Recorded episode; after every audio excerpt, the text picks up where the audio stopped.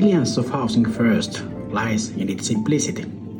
It's a concept that sings a clear, universal tune. People need a home and support. But simple doesn't mean easy. But once you have the foundation of home and support, the symphony of possibilities can begin to play, because tomorrow is never written in advance. Why does Housing First work? Why does a glass of water go a long way in the desert? Why do coats matter in the winter? Housing First works because it's the most obvious thing that people who are homeless need.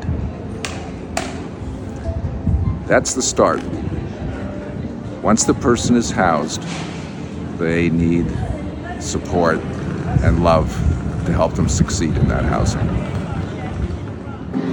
Housing First works because it's a model based on recovery, and that means the participants are the drivers in the process.